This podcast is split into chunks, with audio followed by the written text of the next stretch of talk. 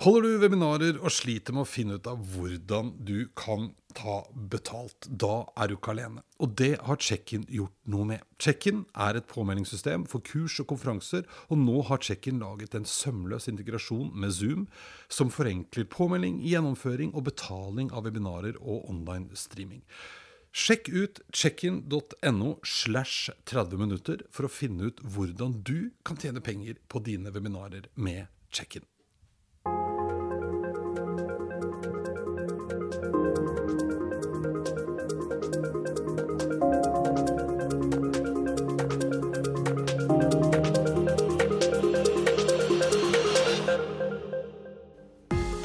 For en liten stund tilbake skrev dagens gjest en artikkel i Dagens Næringsliv. Den handla om hvordan vi i løpet av dette året ser at mange flere enn før har gått til internett for å handle.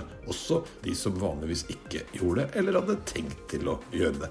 Men situasjonen vi er i, den har gjort at helt nye grupper kommer til. Og vi som allerede var der, vi handler og bruker internett mer enn noensinne. Spørsmålet det blir om vi fortsetter med det, og om bedriftene er klare for dette. Dagens gjest han heter Jon Kårestad og leder til daglig konsulent- og digitalbyrået Forte. I dag så snakker vi om det som har skjedd, og om hvordan vi tror det kommer til å fortsette. Dette er 30 minutter inn i fremtiden, og jeg er Eirik Normann Hansen. Hei, Jon. Hei. Velkommen til meg. Takk. Hyggelig at du stakk innom. Da kom sola òg, til og med. Ja, det var ikke verst. Det var ikke verst. Det var regn da jeg sykla til kontoret i dag morges. Men Jon, øh, litt om deg. Konsulentmann. Det var jo DN-artikkelen du skrev som jeg liksom øh, fikk nyss om. Ja. ja. Hva handla den om? Eh, nei, Vi fikk en, en artikkel inne i, i Dagens Næringsliv som gikk på det med eh, hva har skjedd etter 12. mars. Mm. Eh, når eh, Norge og verden stengte ned, eh, og folk måtte forholde seg mye mer til eh, digitale tjenester-kanaler enn tidligere. og det at de som alltid har foretrukket å gå i en fysisk butikk, nå måtte eh, også forholde seg til eh, den digitale eh, verden. Mm. og da er spørsmålet om det kommer til å bli værende sånn fremover. når vi gradvis kommer tilbake igjen til den gamle hverdagen en gang til neste år. Ja. eller om man fortsetter i den gamle vanen med Eh, å gå i butikken Butikkene, ja. ja. for litt av poenget Jeg husker Opinionen var ganske kjapt ute og begynte å kartlegge også den eh, si, konverteringen. Men det som var helt tydelig, var at helt nye brukergrupper som tradisjonelt ikke hadde vært så opptatt av netthandel, f.eks. Eh, ikke, eller nå plutselig, som du sier, ble tvunget. Men de blir Jeg antar at dere så vel noe spor hos deres kunder òg, gjorde dere ikke det? Absolutt. Og jeg mm. brukte jo min, min mor som eksempel mm. i, i, i kronikken, mm. eh, som er 65 år. Eh, som aldri har vært på internett eh, før, men nå, eh, siden mars, har begynt å kjøpe mer og mer av sine ting eh, også eh, på internett. Mm. mm. Så det er jo både imponerende og, og, bra å se at det er mulig mm. å flytte de kundene som alltid har foretrukket det, det fysiske, til også nå å kunne være med på den digitale utviklingen. Ja, ja. ja for det var litt sånn sjokkdigitalisering av hele verden eh, plutselig som skjedde, som nok har åpnet øynene for mange også. Det var ikke så skummelt, det her. Absolutt. Mm. Og ikke bare åpnet øynene, tror jeg, for kundene, mm. men også for eh, alle de aktørene som eh, både har satset på og ikke på netthandel ja. Eh, også. Det var nok mange som fikk et lite sjokk på hvor lite de egentlig hadde gjort mm. på nettbutikken sin, eh, når så mange skulle inn og plutselig bli kunde der istedenfor å gå i butikken, som de hadde vært vant til ja. i, i, alle år. Ja, for det, det, var jo det du også stilte spørsmål om der. altså Hvem, hvem vil overleve? Hvem vil klare på en måte altså av, av butikkene da, eller leverandørene eller hva nå enn eh, det måtte være? Eh, og hva, hva er det liksom som karakteriserer de som kommer til å klare det, tror du? Det er sikkert mange ting mm. som kommer til å, å spille inn. Mm. Um, men jeg tror uh, de som klarer å uh, gi en god og kall relevant eh, kundeopplevelse i digitale kanaler eh, vil lykkes mer enn eh, de som ikke klarer det. Eh, og jeg tror det både handler om å kunne tilby den hjelpen som du i dag kan få ved å gå inn i en butikk og møte en butikkmedarbeider. Eh, klare å flytte noe av den kunnskapen og hjelpen også over i digitale kanaler. Fordi folk vil trenge hjelp også når man går på nettet og skal kjøpe noen ting der. Ja, for, for har det vært litt sånn at uh, fram til nå så har de av oss som har handla på nettet, da er det ofte når jeg vet hva jeg skal ha. Ikke sant? Jeg skal enten kjøpe noe jeg pleier å kjøpe, eller jeg veit at jeg skal ha den jakka eller de skoa eller hva det enn måtte være. Vi har ikke vært så gode på den kundeservice-dimensjonen. Nei, det er mange som går i en butikk først for å se på en vare eller produkt, og så går de og kjøper den på nett etterpå. Eh, så det å klare å ha den, noe av den samme tilsvarende brukeropplevelsen og hjelpen i fysiske butikker eh, og digitalt, eh, tror jeg blir veldig viktig eh, fremover. Ja, for, for det dukka jo opp kom jeg på akkurat nå, det jo opp en del sånne morsomme eksempler. Det var jo mange som var ganske fremoverlente. Jeg tror en av de tingene som, som denne pandemien har lært oss, da, er å tørre å prøve nye ting. En ting er jeg som kunde som kanskje vanligvis ikke handla på nettet, men også butikkene. Jeg husker, det var en, jeg husker ikke hvilken butikk det var, men det var en dame i Vestfold, tror jeg. Ganske voksen dame. Hun hadde ikke nettbutikk. Men hun begynte jo bare å bruke FaceTime, så kundene ringte, og så shoppa hun. Økte jo omsetningen. Eh, var det Eger, tror jeg, her i Oslo sentrum, som også begynte med videovisning. Det, for det har plutselig blitt en måte å flytte den type kundeservice over på nettet, ikke sant? Jo, det er et eksempel da, på hvordan du kan bruke den kompetansen som butikkmedarbeideren allerede har, mm. til også å få den samme hjelpen i en digital opplevelse. Eh, men det finnes også mange andre muligheter i forhold til å kanskje bruke teknologien mm. bedre eh, til også å være til stede mer til hver enkelt kunde eh, i nettbutikken. Mm. ikke anta at alle klarer å finne frem eh, i eh, nettbutikken din, men være der og hjelpe de. Eh, gjerne med at man har FaceTime og slikt, støtte de på den måten. Men også teknologien eh, eh, gjennom kanskje det å utnytte data om kundene dine eh, på en bedre måte enn det veldig mange gjør i dag. Ja. For å kunne bruke da dataene som utgangspunkt for å bygge en bedre og mer relevant eh, kjøpeopplevelse for akkurat meg, Ja. også på nettet. På det- Ja. Fjerne alt det som jeg ikke er interessert i, eller de vet ikke kommer til å kjøpe uansett, og heller vise til meg det jeg kommer til å kjøpe mest sannsynlig pga. min profil og hva jeg har gjort eller kjøpt, eller hvem jeg er fra før av. For da, da, jeg vet Det er en av de tingene som du er veldig opptatt av, den, altså, hvordan vi håndterer dataene og bruker dataene, og også sørger for at dataene er gode nok. Fordi der har vi ikke vært så flinke. Det er litt sånn bruker noen nyhetsbrev, og så kanskje Jeg husker jeg spurte Jeg stilte spørsmål en gang, jeg holdt foredrag. eh, Svær forsamling med retailere. Og liksom, jo, alle sendte ut nyhetsbrev og tilbud på e-post. Ja, Hvor mange av dere skiller på kvinne og mann? Det var fire liksom, av 700. Eh, og det er jo data de har. Eh, og kanskje ikke sende tilbud på herrejoggesko til en dame, liksom. Eh, men der må vi skjerpe oss. Helt enig. Ja. Eh, Det er ofte mer irriterende å få reklame på e-post for noe du absolutt ikke vil kjøpe uansett. Eh, Så det å klare å ikke bare segmentere på sånne store kundegrupper, men være enda mer én-til-én i den kommunikasjonen, eh, tror jeg er en av hovednøklene for å både beholde eh, kundene fremover og være den som lykkes i kampen om, om kundene. Både de unge og de eldre eh, der ute. Men, men de, de kundene som dere har kontakt med, altså, hva, hva er det de sliter mest med? Er det det at de ikke veit hvordan de skal gjøre det, eller at de ikke har systemer som er gode nok? Eller det er antagelig en kombinasjon? Men, men hva, hvor skal du begynne, liksom? Det er en kombinasjon. Veldig ofte så har man et system med data som er altfor gammel. Ja, og Da snakker vi ofte om CRM-systemer. ikke sant? Altså, CRM-system. Ja, der har vi kundedataene våre. Kundedataene. Ja, Til og med ERP, hvor du har produktdataene dine, er det kanskje mye, mye gamle produkter. eh, mye urelevant informasjon Mhm. som du ikke vet om du skal bruke til noe fornuftig. Mhm. Kvaliteten er kanskje for dårlig eh, på dataene dine. Mhm. Så det å klare å heve den kvaliteten, eh, for å kunne bruke de dataene du allerede har, gjerne sammenligne mer også eh, om kundene dine, eh, til å kunne da både i nettbutikken eh, vise produktet eh, som er mest relevante for meg, eh, men også i markedsføringen kunne type via et nyhetsbrev eh, vise at de vet hvem jeg er, og hvilke behov jeg kommer til å ha, eh, og bruke det som utgangspunkt for å sende meg informasjon om produktet. Eh, og det er ikke lett. Eh, det er ofte krevende å jobbe med data.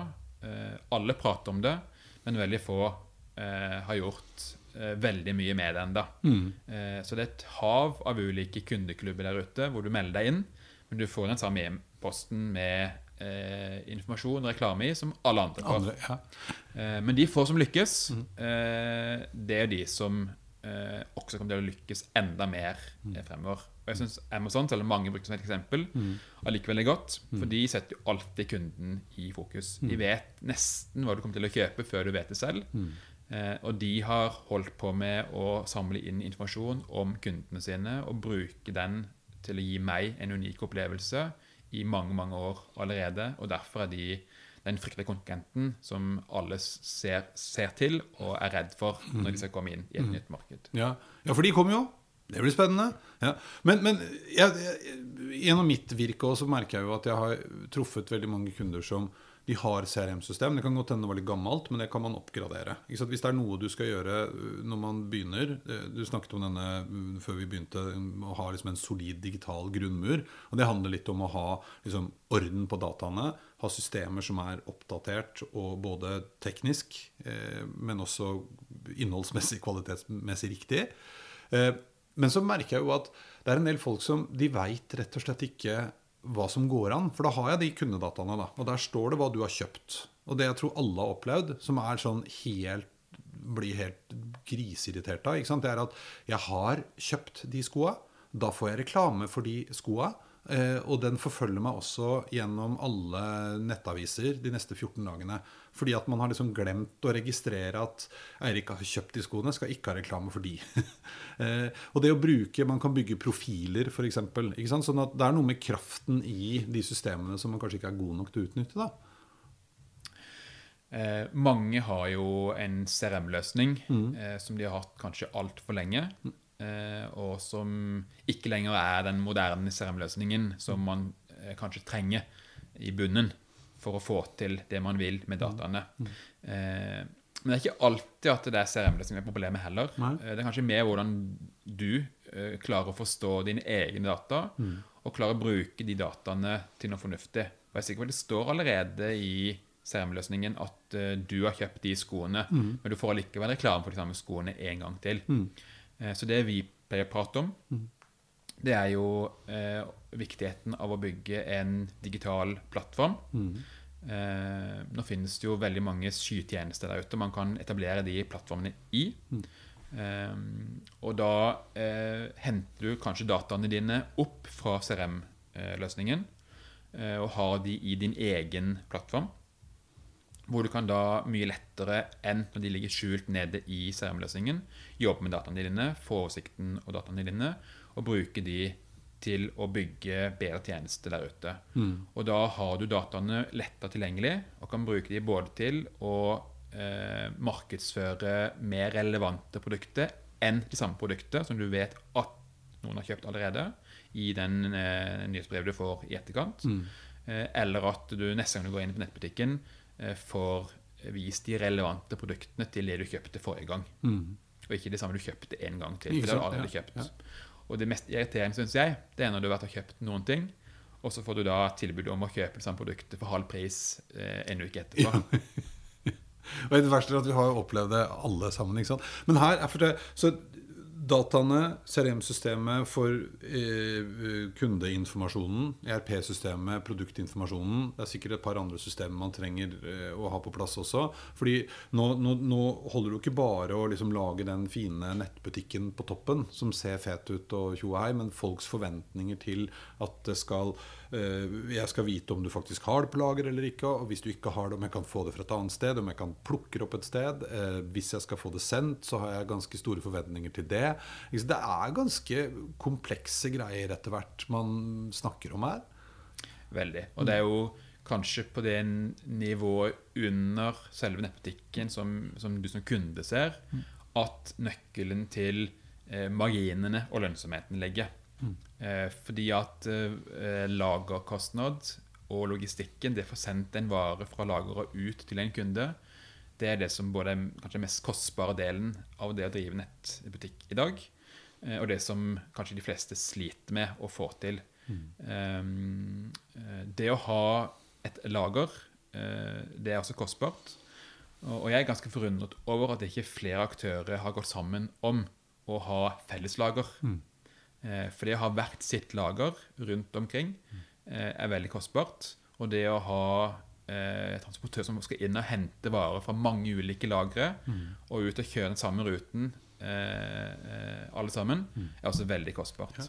Så jeg tror det kommer til å skje mye fremover. Jeg tror det kommer til å bli slik at eh, aktører finner sammen i forhold til det å dele lagerlokalet.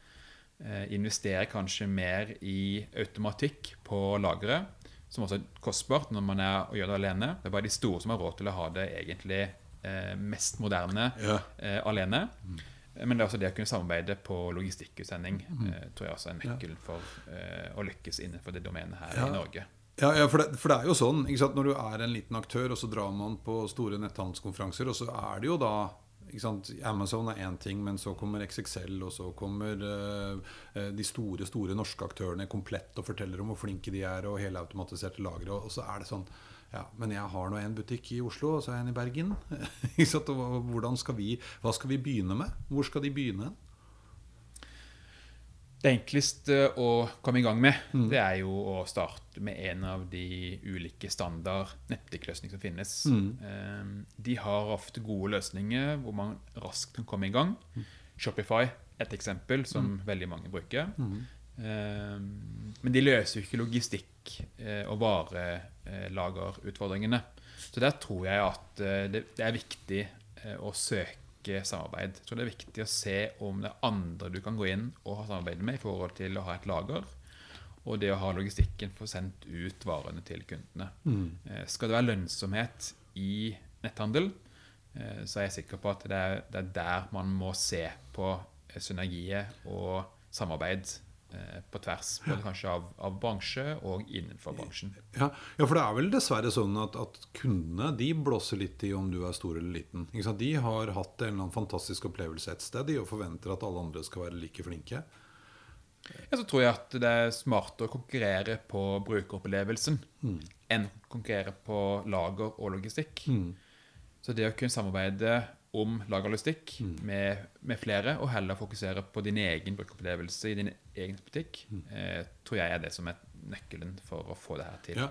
For nå snakker man jo mer og mer om eh, altså Vi kommer jo fra samme bransje så når vi var konkurrenter. Det er veldig morsomt. Når jeg jobba i Kruna og du jobba i Making Waves back in the days.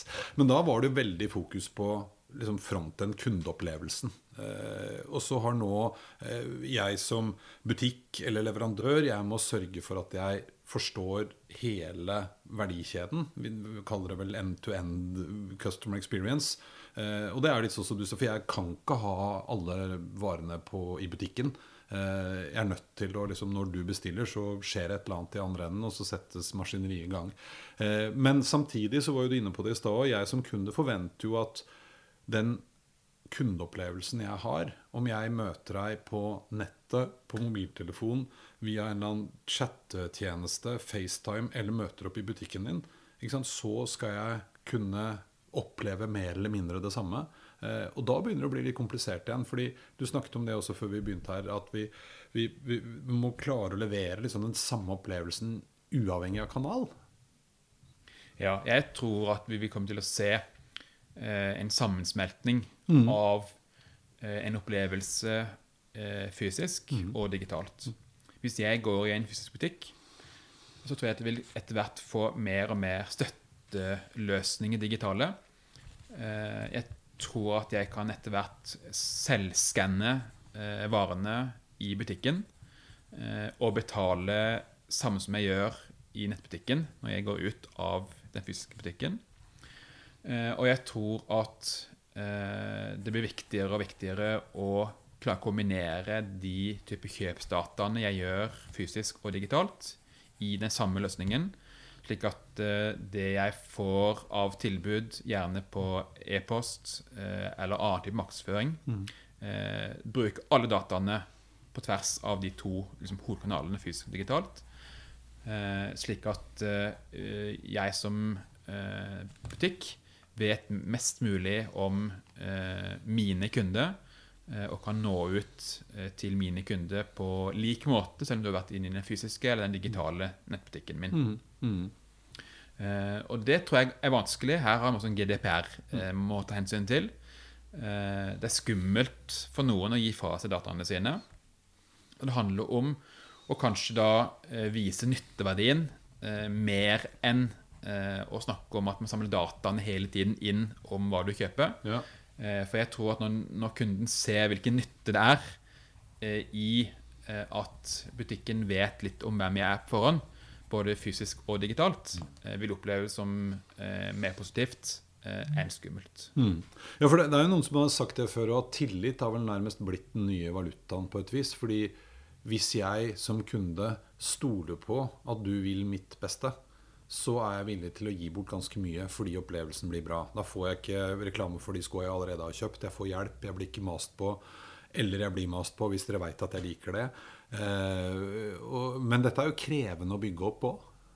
Det er krevende, men her er det veldig stor forskjell på eh, unge kunder og eldre kunder.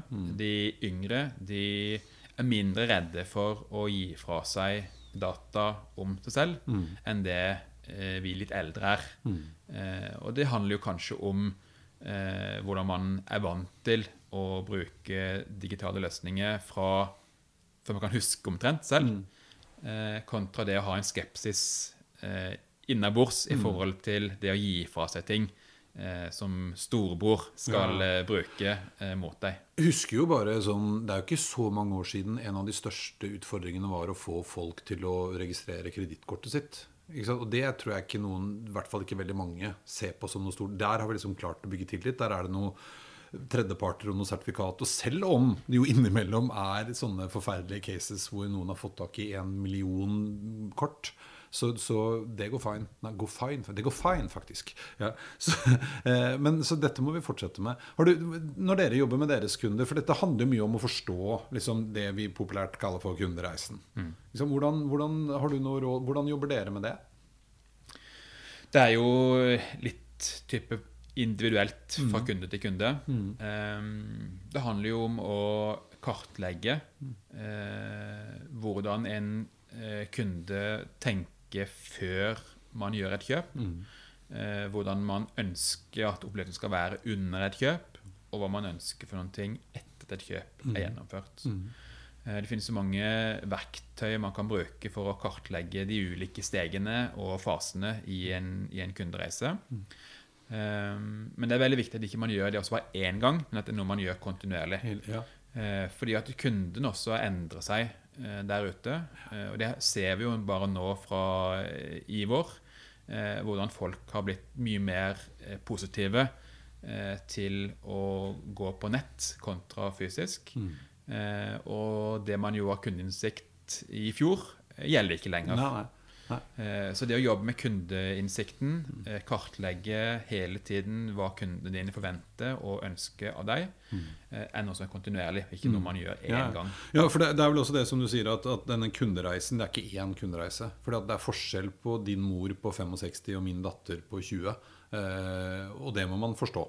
Og, og hvor liksom din mor kanskje trenger mer bekreftelse og støtte og, og ja, hva heter det for noe? Eh, forsikring om at dette er trygt og fint og vi skal ikke lure deg. Eh, mens min datter tar det litt for gitt, men er opptatt av andre ting. Eh, Så, så, men så hang jeg opp en ting til som du også sa veldig fint. At det er jo fordi at vi må, vi må ikke bare late som om vi er kunden. Du må faktisk snakke med kundene. Og så er det kundens opplevelse du er ute etter å kartlegge. Ikke hvordan vi skulle ønske at de var. uh, ja. Vi er- stiller oss opp i butikken for mange av kundene våre. Står der en hel dag og enten bare observerer hvordan kundene oppfører seg i butikken, eller gjør ulike typer eh, oppgaver med dem. Spørre de om ting, vise de en enkel prototype som de kan teste ut mens de er der. For å se hvordan de responderer, og hvordan eh, digitale løsninger kan kanskje være med å, å berike en hel opplevelse i den fysiske butikken også. Dette her er jo, Vi kunne jo snakka om dette i, i flere timer, men eh, det som vel er ganske tydelig, er at vi kommer ikke til å ramle tilbake igjen til sånn som det var før. Din mor kommer antagelig til å fortsette å handle mer på nettet enn det hun gjorde tidligere. Eh, og, og, det må vi som aktører og leverandører og butikker og hva det måtte være, ta inn over oss. Det vi har snakka om i dag, Du snakket om denne solide digitale grunnmuren. Ha kål på dataene våre, de systemene som er der, må kunne brukes til det vi trenger å bruke de til. Eh, opplevelsen i alle kanalene må være god. Uh, og dataene skriver jeg en gang til, for det er kvaliteten òg. Det hjelper ikke å ha et ålreit system hvis dataene er crap. Uh, og så tillitsbegrepet. Uh, og Får du på plass det, så er du ganske godt stilt. Og det fins, som du sa i stad, hylleløsninger, og man må ikke investere 17 millioner for å komme i gang. For de eh, mer enkle behovene så finnes det mange gode, ferdige hylleløsninger. Mm. Eh, er du en litt større aktør eh, som kanskje har en ambisjon om å vokse mer på det digitale enn. Eh, det fysiske, eh, så tror jeg at man også må eh, se på en mer skreddersøm. Ja. Ja. Eh, fordi at det finnes ing, ingen løsning som, som, som passer alle sine behov eh, 100 eh, Og jeg tror at de som eh, tør å eh, investere eh, nå For nå er muligheten, mm. tror jeg, til virkelig å gjøre seg forberedt ja. på en varig både endring, men også en, en endring som kommer til å akselerere, tror jeg, fremover. Mm. De som tør å investere nå, tror jeg er de som kommer til å vinne eh, om, om, både ett og to og tre år frem i tid. Ja.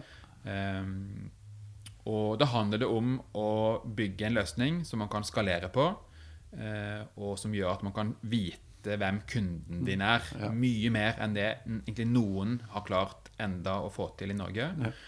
Og jeg synes at Amazon er et eksempel også her, mm. hvor de da starta med å bygge sin egen nettbutikk.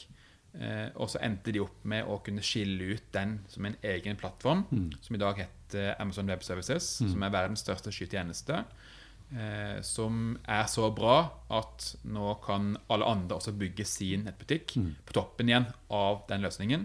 Og ha kontroll på sine kunder, kundedataene sine, og tilby veldig relevante og gode brukeropplevelser også på eh, digitale løsninger. Ja. Og Det er vel særlig det opplevelsesbegrepet. altså Det er det vi virkelig er opptatt av her. Man, og, det er vel der også tilpasning og skreddersøm ofte kommer inn i bildet. At vi klarer å utnytte det og være så gode vi bare kan overfor kundene våre. For det er der slaget står. Ja, og, og vi som kunde kommer til å bli mindre og mindre lojale til et merkenavn. Mm og mer og mer søke den gode brukeropplevelsen. Mm. Spiller ingen rolle hvem som står bak og skal selge meg noe. Det er det jeg eh, får servert på eh, iPaden min, telefonen eller på PC-en min. Mm. Når jeg går inn der og skal se på et produkt eller mm. kjøpe noe, som er det viktige. Viktige, ja. ja vi snakka litt om det. Sånn Adidas og Nike og alle disse store altså Alle de har egne nettbutikker, og de er veldig opptatt av sin egen brukeropplevelse. Men jeg synes jo, bruker jo ofte Torshov Sport sin fotballavdeling eh, som et eksempel på noen som da virkelig de tilfører en hel masse andre greier. Så jeg går heller dit, eller ikke jeg, da, men min sønn, eh, og kjøper nye fotballstøvler enn å bare gjøre det på nett hos Adidas. Ja, og De tilbyr deg en bedre brukeropplevelse ja. enn det kanskje Adidas da gjør selv i sin egen kanal. Ja. Og det spiller ingen rolle for oss som kunde hvem som står bak eh, løsningen, mm. så lenge vi får det vi vil ha. Eh, og det er lettest mulig for oss å komme inn og få kjøpt det produktet vi trenger her i dag. Her i dag, ja. Du, dette her har vært veldig veldig morsomt. Uh, nettbutikker det, og, og, kundeopplevelser og opplevelser generelt. For det handler jo ikke bare om det. Uh, jeg var med i en annen podkast faktisk for litt siden, og da var jeg som var gjest. Så da hadde vi også en stor offentlig aktør. Skal ikke jeg si hvem? Det spiller ingen rolle. Det jeg syns var morsomt, var at de òg nå snakker om kundeopplevelse og brukeropplevelse og kundereiser. Eh, og det syns jeg er eh, veldig spennende å høre. Men hvis vi nå hever blikket, da. 2030. Hvordan ser verden ut i 2030, tror du? Veldig vanskelig å spå eh, så langt. Eller håper du, da. Ja. Ja, ja. Um, 2030 er både lenge til mm. og veldig kort til. Mm. Um, Jeg tror litt av nøkkelen til hvordan ting ser ut i 2030, ligger i de som er yngre enn meg. mm. De som er vokst opp med iPad i hånda før de kunne begynne å prate. Eh, de har et helt annet forhold til det digitale enn det eh, vi hadde og, og har. Eh, og jeg tror at eh, når de kommer og blir eh, kanskje den viktigste kjøpsgruppen etter hvert, så tror jeg at handel, eh, hvis det er det som er eh, et tema eh, om 2030, 2030, kommer til å være helt annerledes enn i dag. Jeg tror at um, mye mer foregår selvfølgelig digitalt. Eh, og uh, merkevarene er litt borte, og det er kjøpsopplevelsen og uh, den relevante brukeropplevelsen som er, er det viktige. Det er det viktige, ja. ja. Så kan det godt være at vi både svever med eh, Tesla i lufta Ja. og eh, slikt, men jeg tenker det er vanske, vanskelig å spå Ja, ja. i dag. Men jeg tror at det vil være eh, hvordan jeg forholder meg til digitale løsninger, som vil være den store endringen de neste årene som kommer. Det gleder jeg meg til å se. Da, da ses vi igjen da i 2030, og så får vi se hvordan det har gått. Det gjør vi. Tusen hjertelig takk for besøket. Takk for meg. Takk.